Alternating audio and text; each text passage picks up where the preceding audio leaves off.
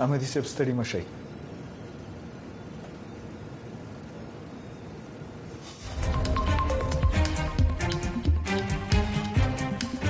سرخط سه خبر مهم در برنامه امروز تلویزیون آشنا صدای امریکا از واشنگتن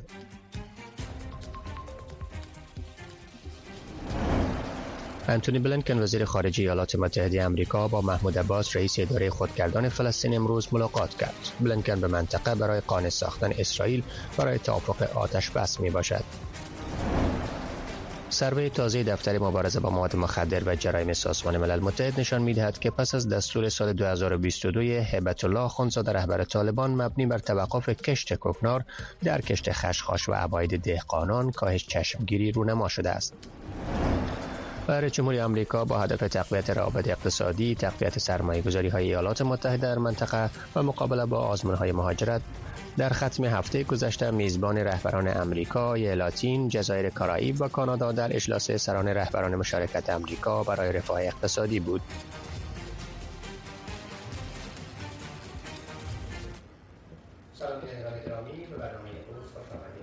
شنبه است پنجم ماه نوامبر سال 2023 میلادی. برنامه امروز به طور مستقیم از طریق وبسایت و فیسبوک تلویزیون آشنا صدای آمریکا و همچنین در رادیو روی موج متوسط 972 کیلوهرتز به نشر می‌رسد. من محمد احمدی هستم.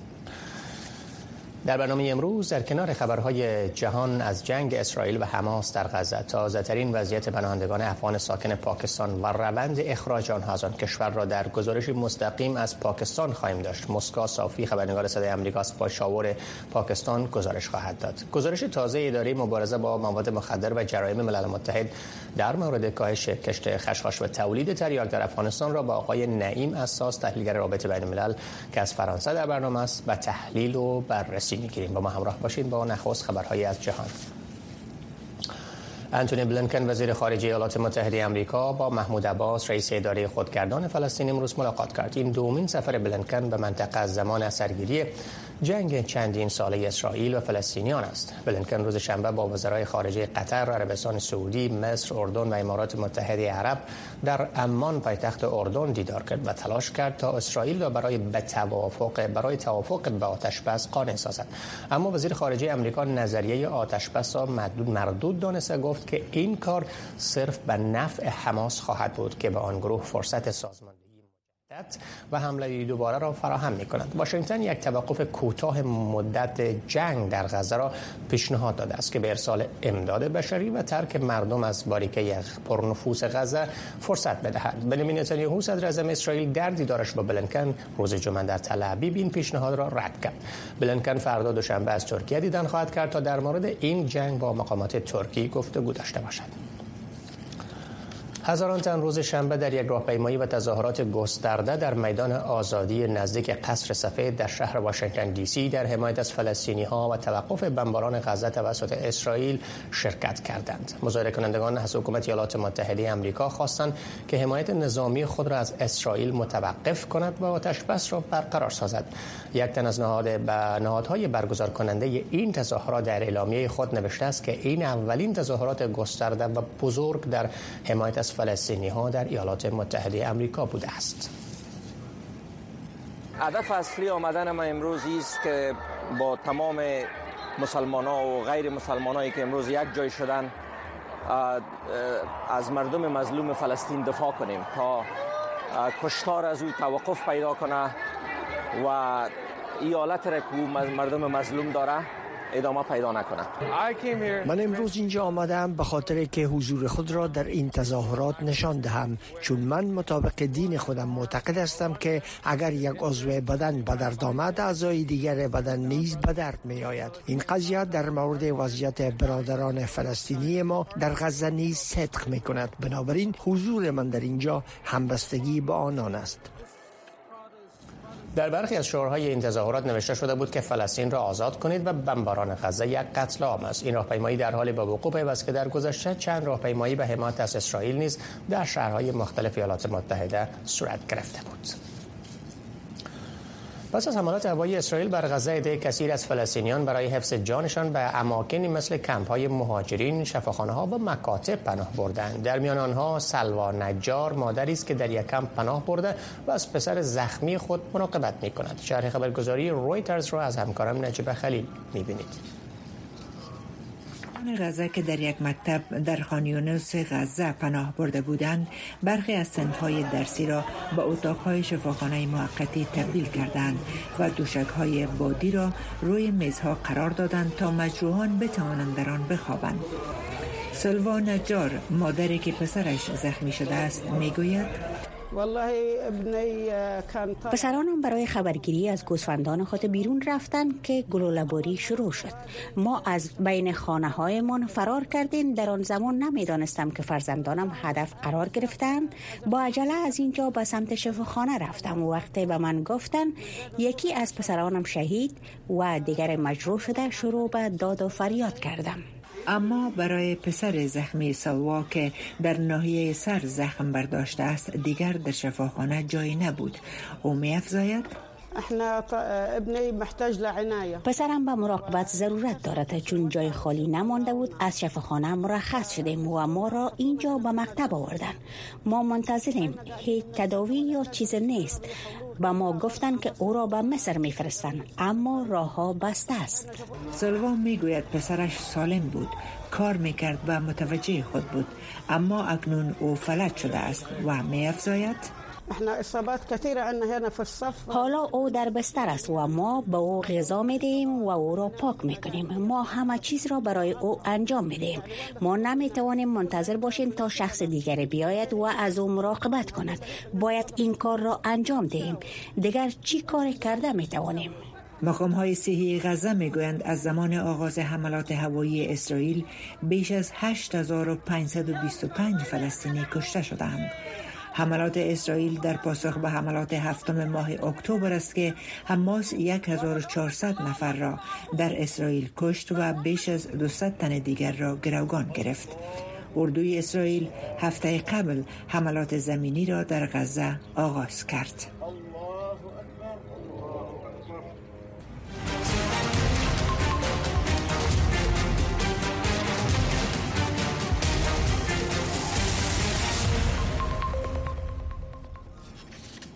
هیدر بار مسئول باز مزد هیدر بار مسئول بخش زنان سازمان دیدبان حقوق بشر روز شنبه در شبکه اجتماعی ایکس نوشت نوشت در حالی که جهان متمرکز بر تحولات غزه است پاکستان خاموشانه یک میلیون و 700 هزار تن را به از افغانستان از پاکستان به افغانستان اخراج می کند کشوری که به گفتش دستخوش بحران انسانی است. خانم بار افزوده است که طالبان حقوق زنان و دختران در بخش تحصیل کار و موارد دیگر را به طور سیستماتیک نقض می کند برای بررسی تازه ترین وضعیت از اخراج افغان های بدون اسناد قانونی در پاکستان با مسکا صافی خبرنگار صدای آمریکاست پیشاور اکنون صحبت می کنیم که از طریق اسکایپ در برنامه است. سلام مسکا دیدبان حقوق بشر اخراج مهاجرین افغان را نگران کننده خوانده. وضعیت اخراج مهاجرین افغان فکر می‌کنین فعلا با گذشت چند روز که این برنامه عملی شده و نگرانی ها بروز یافته فعلا در چه وضعیتی است؟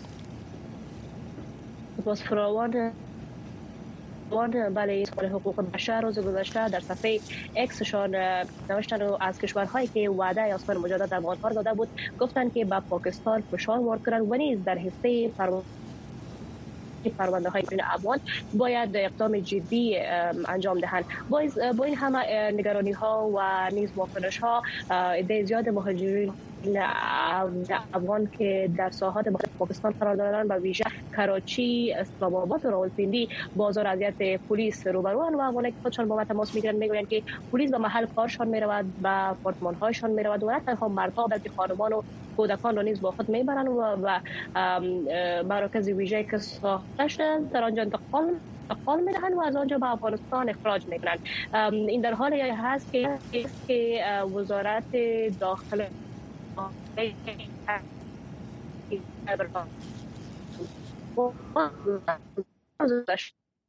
که از سوی وزارت داخلی این این افغان ها از روند اخراج مهاجرین به اسناد مستثنا بله. بله بعض معذرت که بعضی مشکل تکنیکی در تصویر و صدا داریم اما به مقامات پاکستانی مسکو در خیبر پختونخوا گفته که هیچ پناهنده افغان به اسناد به گونه چبری بازداشت و یا اخراج نشده. آیا این ادعا درست است؟ معلومات شما از منطقه چی است؟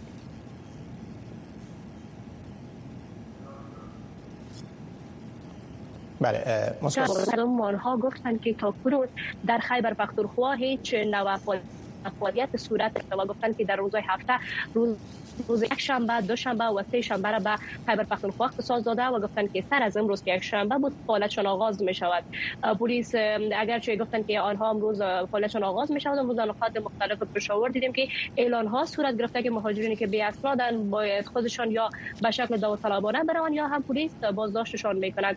و البته خودم که با باز مهاجرین صحبت کردم آنها گفتن که در خیبر پختونخوا نیز هم بازداشت میشن و نه تنها مهاجرینی که بی اسنادن بلکه مهاجرینی که دارای اسناد آنها نیست بازداشت میشن و حتی اجازه نمی‌دهند که مالشان را با خود انتقال دهند و یا هم اعضای فامیلشان را با خود انتقال دهند. و امروز هم کمیساریای ملل متحد در صفحه فیسبوکشان نوشتن که مهاجرین پیوار و استیسی باید آزار اذیت نشوند تشکر از شما ماسکا صافی خبرنگار صدای امریکا در پشاور پاکستان که تازه ترین وضعیت افغانهای بدون اسناد در پاکستان و برنامه اخراج پاکستان را از این کشور و افغانستان شما گزارش دادین. نجات یافتگان زلزله مرگبار نیپال مجبور شدن شب را بیرون از خانه در فضای باز سپری کنند. خانه های این زلزله زدگان به ویرانه تبدیل شده است. این زلزله بدترین از سال 2014 در این کشور بوده است که کم از کم 157 تن عمدتا در ساحات شمال غرب ججرکوت و منطقه راکوم در مجاورت آن کشته شدند. مقامات حکومتی گفتند که آنها برای یافتن نجات یافتگان این زلزله تلاش می‌کند و تداوی رایگان را برای آسیب دیدگان فراهم می‌کند. اما گفته است که رسیدگی به امداد به نیازهای بازتوانی زود است این زلزله روز جمعه به شدت 6.4 به مقیاس رکتر منطقه ججرکوت را تکان داد جو بایدن رئیس جمهور ایالات متحده با هدف تقویت روابط اقتصاد، تقویت سرمایه های ایالات متحده در منطقه و مقابله با آزمون های مهاجرت روز جمعه میزبان رهبران امریکای لاتین، جزایر کرائیب و کانادا در اجلاس سران رهبران مشارکت امریکا برای رفاه اقتصادی بود. شرح گزارش پاولا از خبرنگار صدای امریکا را همکارم نجیب خلیل به توجه می‌رسند رئیس جمهور بایدن از رهبران باربیدوس، کانادا، کلمبیا، کوستاریکا، چیلی، اکوادور، مکزیکو، پاناما، پیرو، جمهوری دومینیکن و یوروگوای در قصد سفید استقبال کرد. این رهبران برای اولین بار در اجلاس سران رهبران مشارکت امریکا برای شگوفایی اقتصادی در واشنگتن بودند. جو بایدن در این اجلاس بیان داشت ما عملکرد منطقی خود را برای سهمگیری مشترک مسئولیت رسیدگی به آزمونهای فعلی جریان بی سابقه مهاجرت تایید می‌کنیم. بایدن از ابزارهای اقتصادی جدید صحبت کرد که همراه با بانک توسعه بین الامریکایی و کمک کنندگان خصوصی می توانند به کشورهای میزبان مهاجرین در نیمکره غربی کمک کنند. آقای بایدن افزود با عنوان بخشی از این تعهد ایالات متحده کانادا و اسپانیا و کشورهای کمک می کنند که به مهاجران موقف قانونی ارائه می دهند و از آنها حمایت می کنند ثانیا ما در حال گسترش مسیرهای قانونی هستیم تا مهاجرت امن و منظم را تعهد کنیم و مجوزهای کاری را فراهم کنیم که به مهاجرین اجازه داده شود تا به اقتصاد ما کمک کنند. پس از این نشست گوستاو پترو رئیس جمهور کلمبیا یک نکته کلیدی را مورد بحث قرار داد. موضوع کربن زدایی و امکانات دسترسی گسترده امریکای لاتین به انرژی پاک. او بر سهم قابل توجهی که می تواند در پایداری کره زمین و نقش آن در کمک به ایالات متحده در انتقال انرژی داشته باشد تاکید کرد. هنگامی که از وی در مورد درگیری اسرائیل و حماس پرسیده شد گفت که نگرانی های خود را بیان کرده است او افزود محور جلسه نبود اما من آن را مطرح کردم و من به رئیس جمهور بایدن گفتم که عدم مراعات قوانین بین المللی که امروز شاهد آن هستیم خشونت بیشتر بربریت بیشتر و تخریب دموکراسی را ایجاد می کند رئیس جمهور پترو و گبریل بوریک رئیس جمهور چیلی سفرای خود را از اسرائیل برای مشورت در مورد وضعیت کنونی فرا خواندند. رهبران حاضر در این نشست بر اهمیت حضور سایر کشورهای امریکای لاتین در نشستهای آینده تاکید کردند. در عصر و زمان تغییر که جهان نامطمئن به نظر می رسد و آنچه میشنویم منعکس کننده آنچه می بینیم نیست ما به دنبال حقیقت می براییم وقتی تنها بخشی از حقیقت و آنچه اتفاق افتاده به ما گفته می شود اعتماد از بین می رود رویاها آرزوها و خواهشاتمان برای یک فردای بهتر و مطبوعات آزاد بستگی دارد. در صدای امریکا ما روایتگر گزارش هایی هستیم که مردم برای دیدن آن خطر را متقبل می شوند ما در صدای امریکا جهان را با حقیقت به هم نزدیک و متحد می سازیم ما تصویر کامل حقیقت و آنچه را که اتفاق افتاده شما بازگو می کنیم سربایی تازه دفتر مبارزه با ماده مخدر و جرایم سازمان ملل متحد نشان می‌دهد که پس از دستور سال 2022 هبت الله آخانزاده رهبر طالبان مبنی بر توقف کشت کوکنار در کشت خشخاش و واحد دهقانان کاهش چشمگیری رو نما شده است. بر اساس یافته های این سروه در سال 2023 از 233 هزار هکتار مزاری کوکنار در افغانستان تنها 1800 هکتار زمین کوکنار کشت شده است که کاهش 95 درصدی را نشان می‌دهد. این اداره گفته است که کاهش در کشت کوکنار سبب کاهش 95 درصدی عرضه تریاک نیز شده است و تولید تریاک سال گذشته 6200 تن بود. امسال به 333 تن رسیده است. بر اساس این سروه در سال روان میلادی درآمد دهقانان از فروش تریاک به تاجران بیش از 92 درصد کاهش یافته است. اما طبق یافته های این سروه صادرات تریاک افغانستان در سال روان میلادی بیش از ارزش صادرات قانونی کالا و خدمات این کشور بوده است. در این سروه گفته شده که کاهش کشت کوکنار و تولید تریاک تاثیر زیادی بر اقتصاد افغانستان خواهد گذاشت. برای بررسی و تحلیل این یافته های سروه تازه ملل متحد در مورد وضعیت کشت و تولید قاچاق مواد مخدر در افغانستان تحت حاکمیت طالبان با آقای نعیم اساس ره تحلیلگر مسائل رابطه بین الملل صحبت می‌کنیم که از فرانسه با ما هستند سلام آقای اساس روزتان بخیر. به نظر شما چقدر کاهش خشخاش ربطی به دستور سال 2022 هبت الله خونزاده رهبر طالبان مبنی بر توقف کشت کوکنار داره. آیا دلایل دیگری به نظر شما هم در این کاهش نقش مهم داشته؟ تشکر احمدی گرامی سلام به شما سلام به همکاران تکنیکیتان همچنان بینندگان عزیز.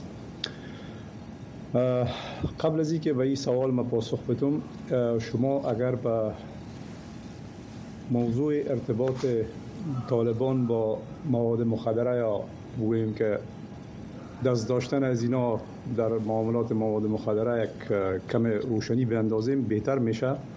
که طالبا امروز ادام می‌کنن که گویا 95 فیصد در کاهش مواد مخدر به سال 95 فیصد نسبت به سال گذشته کمتر شده.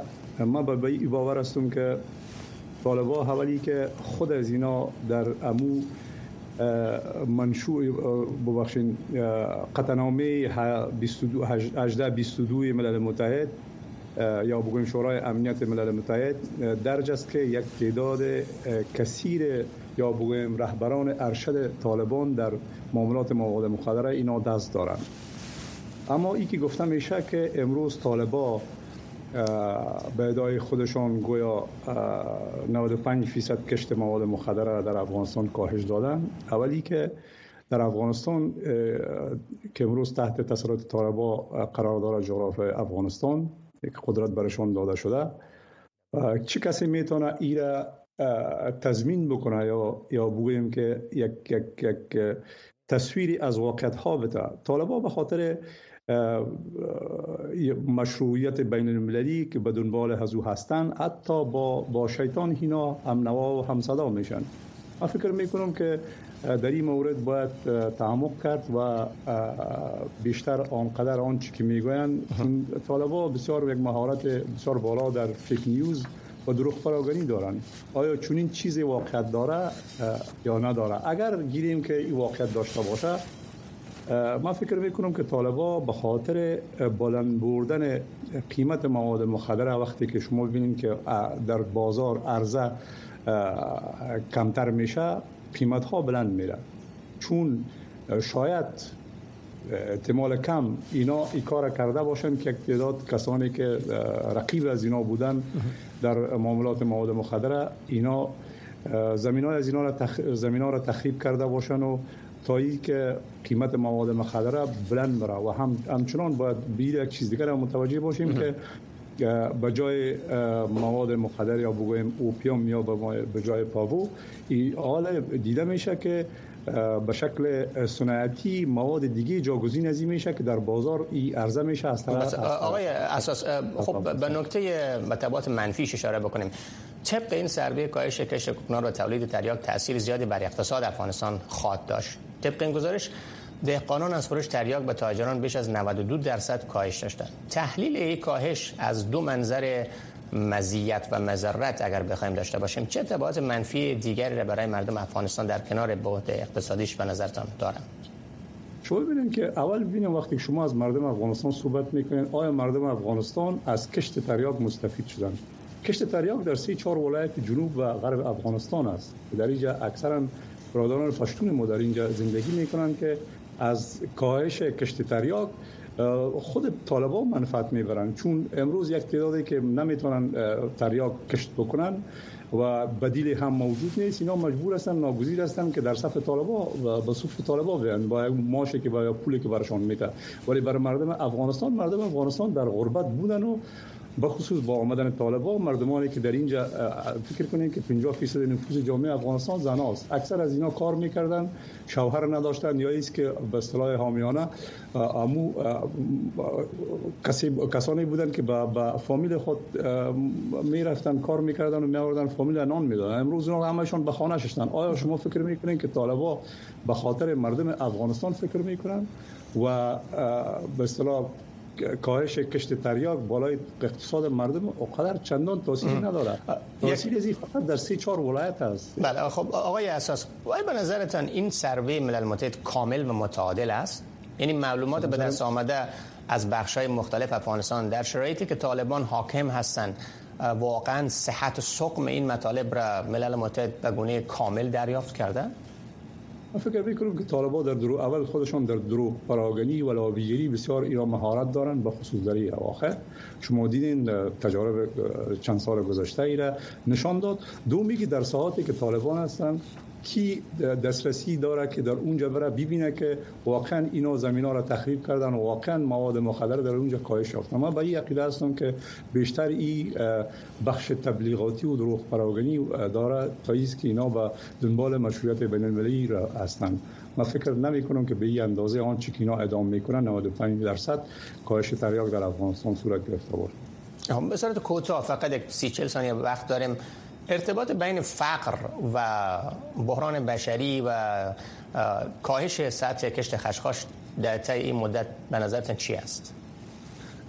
اینطور است که کشت خشخاش فکر می‌کنم که فقر در جامعه افغانستان با شرایط اجتماعی که امروز طالبا در افغانستان بالای گرده های مردم حکومت می‌کنن امروز مردم از بیکاری رنگ می‌برند. تمام مردم افغانستان مثل قبلا گفتم از کشت کشت ظرف تریاک اینا اصلا هیچ منفعت نبردن.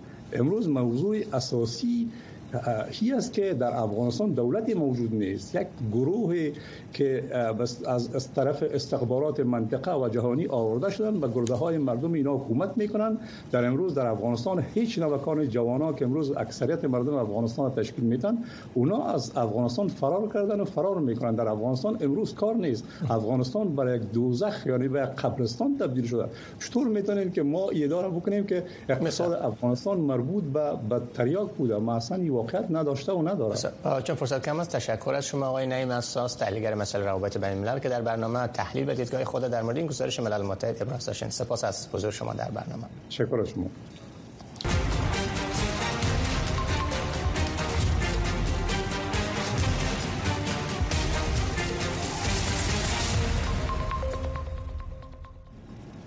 بیلن اولین خبرنگار زنان در سومالیا برای شکستن تابوهای مسائل زنان به فعالیت خود آغاز کرده است. بیلن که معنی آن پرتاب روشنایی است از 18 ماه بدین سو با شکستن تعصبات جامعه سومالیا به مسائل مطرح برای زنان پرداخته است که شامل مسئله اعتیاد مواد مخدر، زندگی زنان با مشکل ایدز و بحث شرم و عادت ماهوار زنان می باشد. اما کار رسانه‌ای در سومالیا که یکی از کشورهای خطرناک برای خبرنگاران است، امر ساده نیست. شرح بیشتر در این گزارش خبرگزاری رویترز.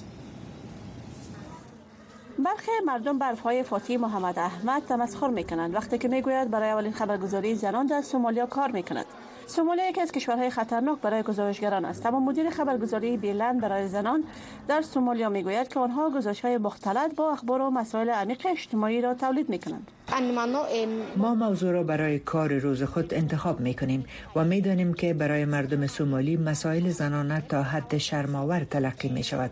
آنها نمی خواهند روی مسائل دختران صحبت کنند. مثلا علایم بلوغ به شمول عادت ماهوار برای برخی تابو است. این مسائل در مکاتب تدریس نمی شود و مادران دختران خود را آگاه نمی سازند. فعالیت رسانه‌ای بیلن از طرف اداره انکشافی ملل متحد تمویل می شود و از مدت 18 ماه بدین سو بیلن که معنی آن پرتو روشنایی است. توانسته فراتر از تعصبات جامعه و تابوها در برابر زنان به فعالیت خود ادامه دهد و به مسائل همچون مشکل مواد مخدر زنان ایدز و عادات ماهور زنان بپردازد. احمد می‌گوید مردم بحث در مورد مسائل زنان را به سطح آمد دشوار می‌دانند. می دانستم این گزارش بر مردم عام تاثیر خواهد گذاشت چون یک موضوع جدی است. اما کسی در مورد آن صحبت نمی کند مشکل من استفاده از ترمینولوژی بود که چطور باستاب یابد. و با خود گفتم بلوغ دختران مسئله عادی است و وقت عادت ماهوار شروع می شود سالها ادامه می یابد پیچیدگی وضعیت صحی به دنبال دارد و می خواستم با قدرت کلمات وزن گزارش را منعکس بسازم و به جای برسد. گزارشی در مورد مزرعه وضعیت عادت ماهوار زنان یکی از گزارش های بیلن بود که پس از نشر آن حدود 130 هزار بار دیده شده است و باعث واکنش های شدید در فیسبوک شد. نخست حراس داشتم که در مورد مشکل خود با معلم خود صحبت کنم و نتوانستم. بعدا من نزد او رفتم و این مسئله را با او در میان گذاشتم و خبر به گوش مدیر رسید و این مسئله حل شد.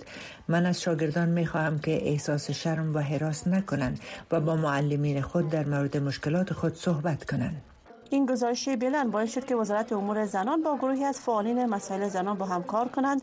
یکی از شخصیت های گروه اسلامی در سومالی این مسئله را تاکید می‌کند وقتی دختران در مکتب یا کالج هستند عادت ماهوار شروع می شود و با مشکلات روبرو می شوند خوب است که سطح آگاهی دختران در این مورد بالا برده شود و آنان باید نظافت را بدانند و این یک مسئله طبیعی برای زنان است. افرا احمد فعال جنسیتی می‌گوید که گروه خبرنگاران بیلن نقش مهم در کشور را دارند به خاطر که حقوق زنان و دختران در اولویت مسائل مطرح سومالیا قرار ندارد. مردم در خبرگزاری بیلن و کسان مثل من و سایر زنان که خواهان تغییر هستند باید فعال باشند. کسانی که تاثیر واقعی بر جامعه می‌گذارند باید درک کنند که مردم باید این مسائل را بدانند به خاطر که مسئله عادت ماهوار اولویت حکومت نیست به خاطر که هیچ قانونی برای دفاع از حقوق زنان نداریم. برای احمد تهیه و نشر گزارش در مورد عادت ماهوار زنان دستاورد خوبی بود و باعث شده است که او برای رسانیدن همچون مسائل تابو به گوش مردم عام تلاش کند تا آنها با برخی موضوعات به عنوان مسائل معمولی برای زنان برخورد کنند. ژلا نوری تلویزیون آشنای صدای آمریکا واشنگتن. بینندگان گرامین بود داشته های برنامه تلویزیون آشنا صدای امریکا اما تا لحظات بعد شنونده و بیننده نشرات ویژه رادیو آشنا خواهید بود که از طریق رادیو و فیسبوک و وبسایت صدای امریکا به زنده ادامه می‌یابد. تشکر.